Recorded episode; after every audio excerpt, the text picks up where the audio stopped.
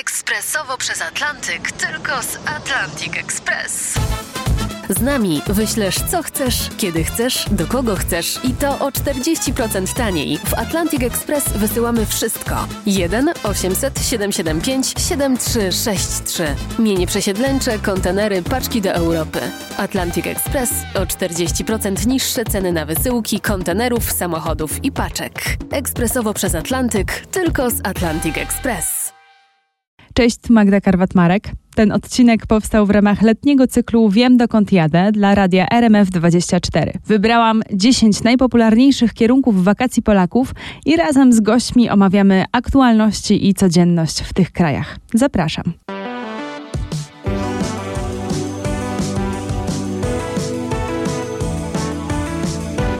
Dziś krótki lot prosto do Kairu.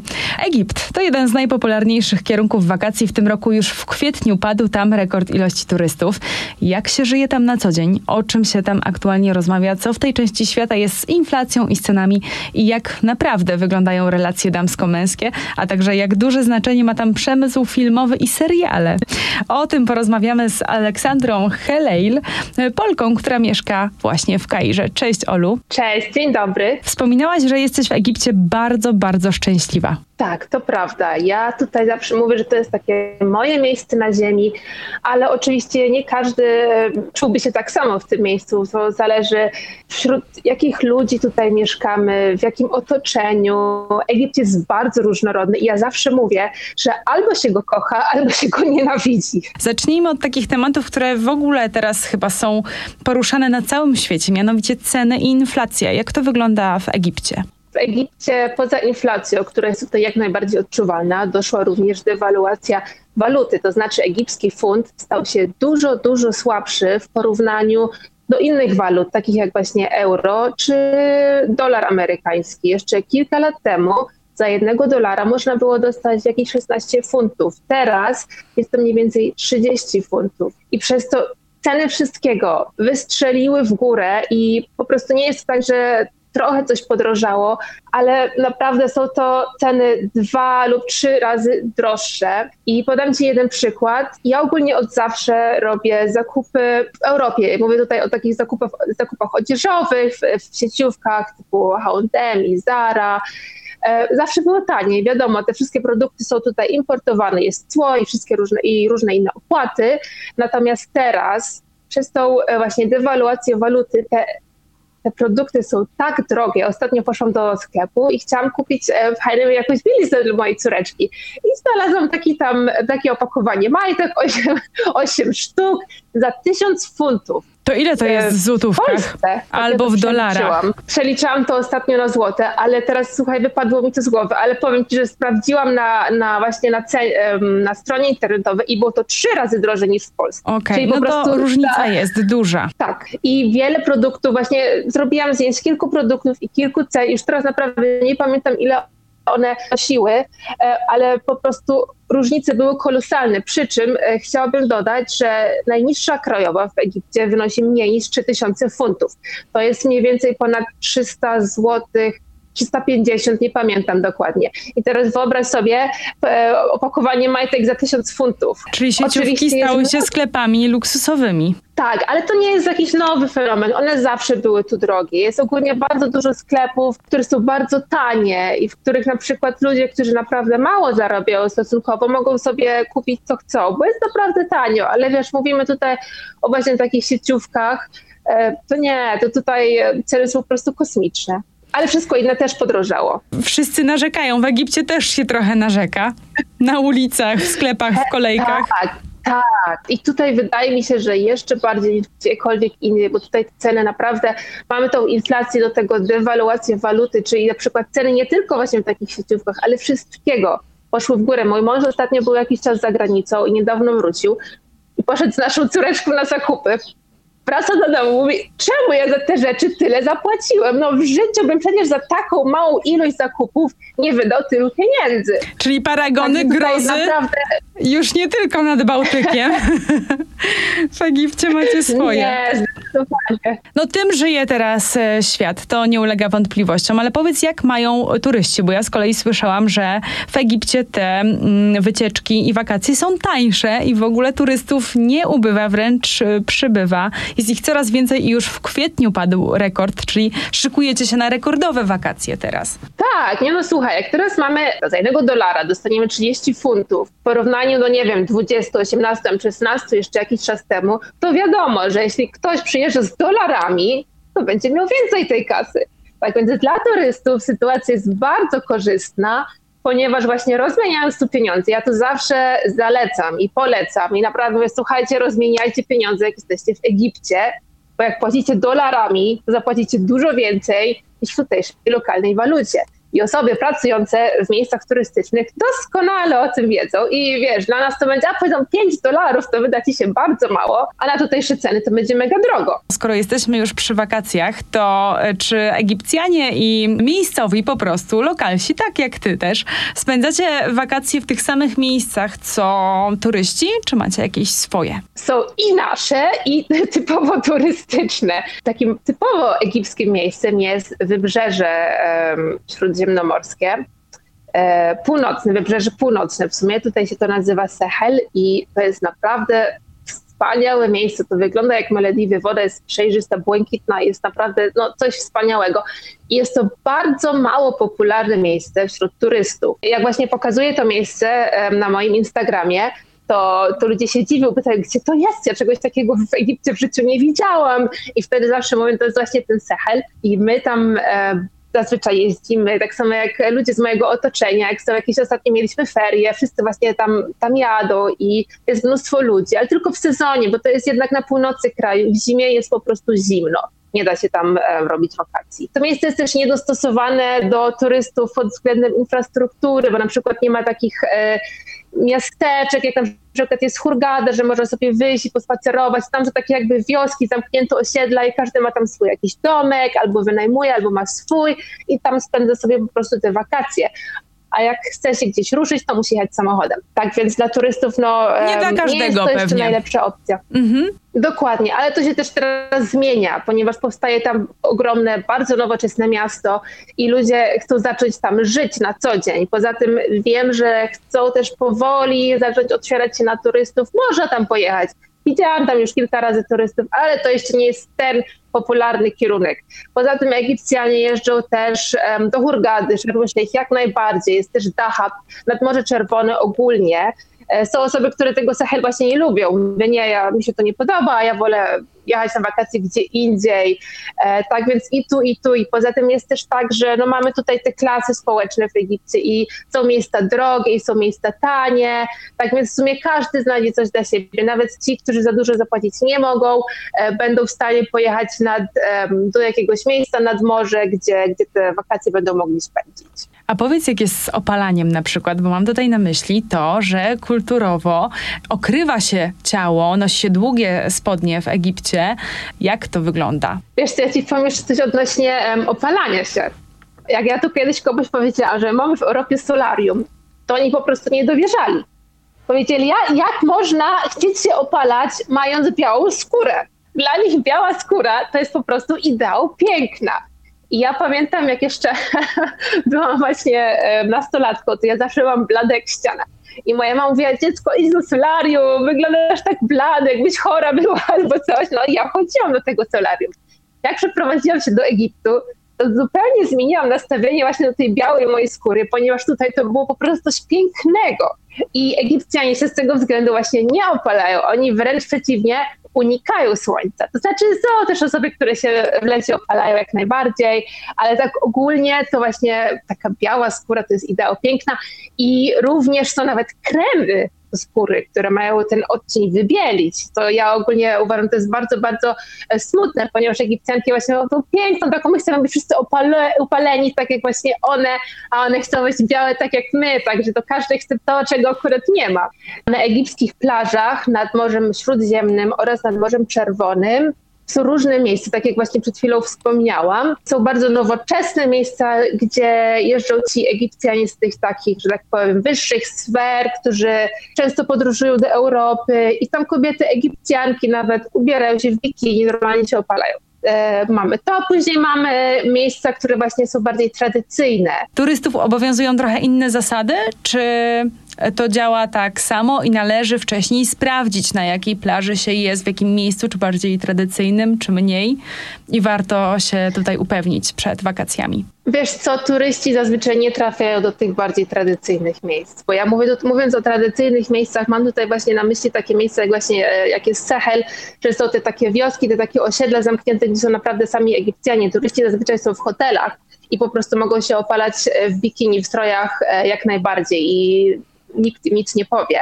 Zawsze tutaj też Egipcjanie oddzielają to wszystko. Na przykład e, nawet, nawet jak ja tu mieszkam, to mnie wiele rzeczy po prostu nie obowiązuje. Jestem obcokrajowcem, tak więc ach, dobra, e, przymykają na to oko, ale też mówię, zależy od miejsca. Na przykład będąc w Kairze, nie ubierałabym się w krótkie spodenki, ponieważ po prostu dla wielu osób jest to niecodzienny widok i nie to, że, że ktoś, mi, ktoś mi coś zrobi albo, um, albo że będzie niebezpiecznie, ale chodzi raczej o to, że ludzie będą się na mnie patrzeć. I ja to rozumiem, no bo jestem w miejscu, w którym większość kobiet ubiera się zdecydowanie inaczej. I nie jest nigdy napisane, że ja mam, e, że jest zabronione żebym ja się w te krótkie spodenki ubrała. Już nieraz widziałam turystki w ten sposób ubrane w środku miasta, ale ja osobiście czuję się nieprzyjemnie, jeśli wszyscy dookoła się mnie patrzą, nie tylko mężczyźni, ale również kobiety. Czego jeszcze w, w, Egipcie raczej nie robić, żeby przypadkiem nikogo nie urazić, żeby nie narazić się może na jakieś przykre konsekwencje, czy nawet ten wzrok? Jeśli chodzi o kontakty damsko-męskie, że tak powiem, można jak najbardziej chodzić za rękę i tam się objąć, ale na przykład takie to typowe jakieś całowanie na ulicy, to bym odradzała zdecydowanie, bo tego się też e, tu raczej nie robi. Chociaż myślę, że w miejscowościach turystycznych też raczej by przy, to oko, ale się będą patrzeć, no bo to jednak tutaj nikt tego nie robi. Tam dobra, buziak, e, e, nie wiem, w czoło czy w policzek, no to tam nie ma problemu, ale takie wiesz, jakieś tam typowe całowanie to zdecydowanie nie odpada. Poza tym, um, jeśli mamy znajomych Egipcjan, i teraz nie mówię tutaj o osoby pracujące w kurortach, bo te osoby są bardzo często otwarte na więcej niż tradycyjnie Egipcjanie, że tak powiem, ale u mnie w rodzinie na przykład, nie tylko u mnie, ogólnie wszędzie, w większości rodzin w Egipcie jest tak, że na powitanie, e, ja jako kobieta na powitanie z mężczyzną się nigdy nie przytulę um, albo nie damy sobie buziaka, po prostu no, co najwyżej podanie ręki i, i na tym to wszystko się kończy. I nawet między kuzynostwem, ponieważ tutaj w Egipcie dochodzi do tego czasem, że kuzyni biorą ze sobą ślub i to jest tutaj bardzo normalne. Te sprawy damsko-męskie są zawsze bardzo ciekawe, a w przypadku Egiptu mm, słyszałam na przykład, że wciąż obowiązują te tradycyjne zasady, że mąż musi wpłacić za swoją przyszłą żonę na przykład wielbłądy lub inne e, zwierzęta i w ogóle te sprawy majątkowe w małżeństwie są niezwykle skomplikowane. Powiedz tylko, czy to jest prawda? Czy to są plotki dla turystów? Um, Okej, okay. może zacznę, zacznę od tych wielbłądów. Ja się nigdy jeszcze z tym nie spotkałam, żeby ktoś naprawdę jakieś wielbłądy komu do, komuś dał przy, przy ślubie. Um, to są raczej takie żarty, um, które, na które pozwalają sobie właśnie tutaj lokalsi z turystkami. E, ale ogólnie to nie, ja się z tym jeszcze nigdy w życiu nie spotkałam. Wiesz, nie byłam w całym kraju, nie byłam nie wiem, na południu, nie wiem, ale ja osobiście się z tym nigdy w życiu nie spotkałam. E, nawet jakiś kozy. Ostatnio mojemu mężowi powiedziałam, e, słuchaj, czy ty byś mnie sprzedał za kozę? On w ogóle nie wiedział o co chodzi. O co, co jak, ale, ale dlaczego? I po prostu Czyli ty nie byłaś za żadne wielbłądy oddana twoja ręka.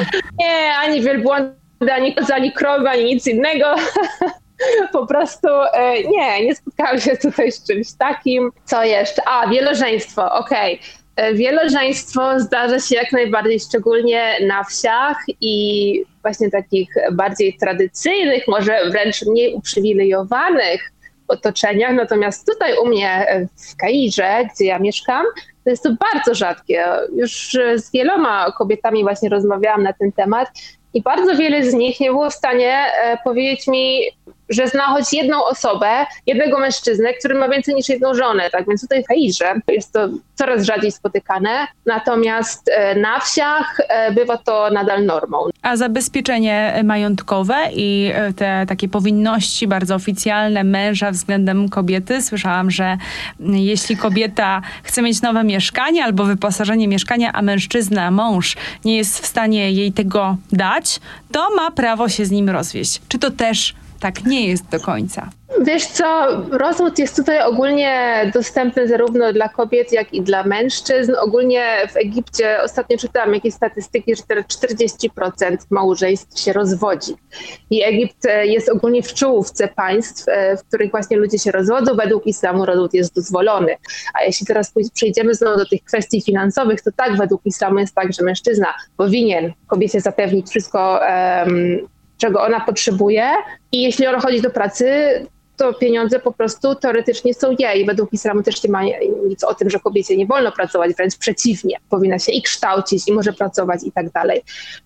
Ale teraz tutejsza sytuacja ekonomiczna doprowadziła do tego, że ludzie po prostu no, muszą się wzajemnie wspierać, bo po prostu ceny tak poszły w górę, że jest to teraz bardzo trudne. Powiedz jeszcze proszę e, o serialach i o filmach. Czy to jest prawda, że e, filmy są tak ogromną, mm, ważną część stanowiska stanowią codzienności Egipcjan i seriale. I są specjalne seriale e, na Ramadan, które trwają dokładnie tyle samo. I że to jest taka typowa rozrywka i że w zasadzie Egipcjanie są zainteresowani głównie tymi produkcjami rodzimymi czy z, z okolic i nie, nie do końca tymi e, zagranicznymi. Wiesz co, może zacznijmy od tego, że Egipt to jest taki jakby Hollywood tutaj, tutejszego regionu i między innymi z tego względu ludzie w wielu krajach rozumieją ten dialekt egipski, bo każdy kraj arabski ma swój, ma swój własny dialekt. E, jest ten klasyczny, nie klasyczny, tylko standardowy arabski, który e, jest nauczany nawet w szkołach, za granicą i tak dalej, ale na co dzień mało kto się nim posługuje, natomiast każdy kraj ma swój dialekt i właśnie przez to że w Egipcie nagrywane są te wszystkie seriale i filmy, i muzyka, też piosenki właśnie po egipsku, to ja jako osoba mówiąca w tym dialekcie, jakbym pojechała do jakiegokolwiek kraju, to każdy mnie zrozumie. Może ja nie zrozumiem, co mi ta osoba mi odpowiada, ale oni będą mnie rozumieć. Na przykład jest też tak, że niektórzy wykonawcy, piosenkarze z innych krajów śpiewały specjalnie po egipsku, właśnie ze względu na to, że, że ten dialekt jest tak popularny e, w tym zakresie właśnie, jeśli chodzi o seriale, muzykę i wszystko. I rzeczywiście podczas Ramadanu mamy też te seriale. E, I to jest tak, ostatnio było chyba, wydaje mi się, że każdy serial ma 15 odcinków żeby te wszystkie seriale zmieścić w ten jeden miesiąc, bo jakby, jakby, jeden, jakby jeden serial miał, miał 30 odcinków, no to już nie byłoby miejsca na tej seriali jest naprawdę bardzo dużo. I e, w tym roku w tych serialach poruszane były też bardzo ciekawe kwestie dla tutejszego społeczeństwa, na przykład um, oglądałam jeden taki serial, chodziło tutaj właśnie no, o relacje właśnie damsko-męskie w małżeństwie. Poruszony był też temat um, opieki mężczyzn nad dziećmi, w sensie, że po prostu no wiele moich koleżanek opowiada, że tutaj wychowanie dziecka, szczególnie jeśli jest jeszcze ono małe, było pokazane kilka razy, że mężczyzna płacze bo wiesz, tutaj nadal jest taki um, obraz um, silnego faceta, który, broń Boże, nie powinien płakać, a w tych serialach po prostu nagle łzy um, widać na twarzy właśnie takich mężczyzn, który, którzy właśnie w tych serialach uchodzili za no, dość silnych i w ogóle tak, więc to te i różne inne ciekawe kwestie są w nich poruszane i ludzie czekają cały rok właśnie na ten ramadan, żeby po kolacji wreszcie siąść i oglądać sobie te seriale, które dostępne są później na różnych platformach, nawet jeśli ktoś nie zdąży ich obejrzeć. Olu, bardzo Ci dziękuję za tę rozmowę i że nas po Kairze, Egipcie oprowadziłaś.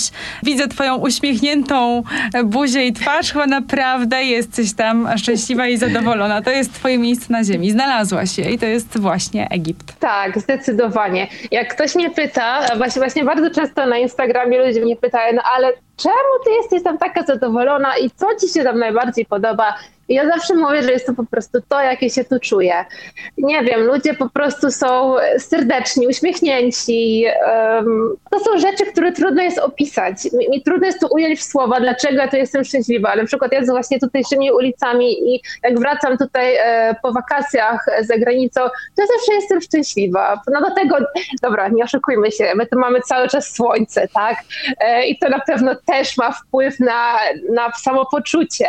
E, nawet w zimie, kiedy jest, no jest chłodno, nie powiem, w domu mam czasem nawet 12 stopni, bo jednak um, mieszkania są nieszczelne, a na dworze bywa chłodno, grzejemy wtedy klimatyzacją właśnie, ale mimo wszystko jest wtedy słońce. Podczas gdy w Europie jest jeszcze ta wiosna albo jesień i już jest tak no trochę nieprzyjemnie, u nas jest, nie wiem, 20 parę stopni, 30 stopni, i to jest po prostu, no, też bardzo, bardzo fajne, że tak powiem.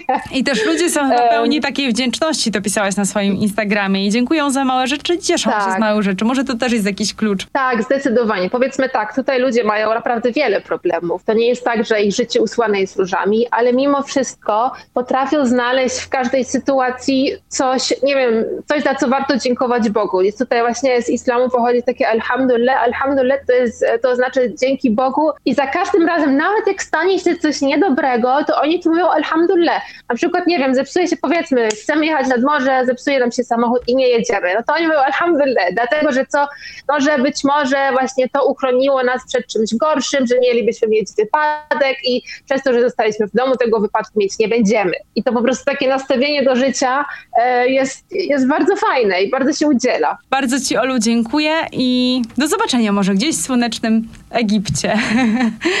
Mam nadzieję. Na razie. Dziękuję pa, bardzo. Pa, dzięki.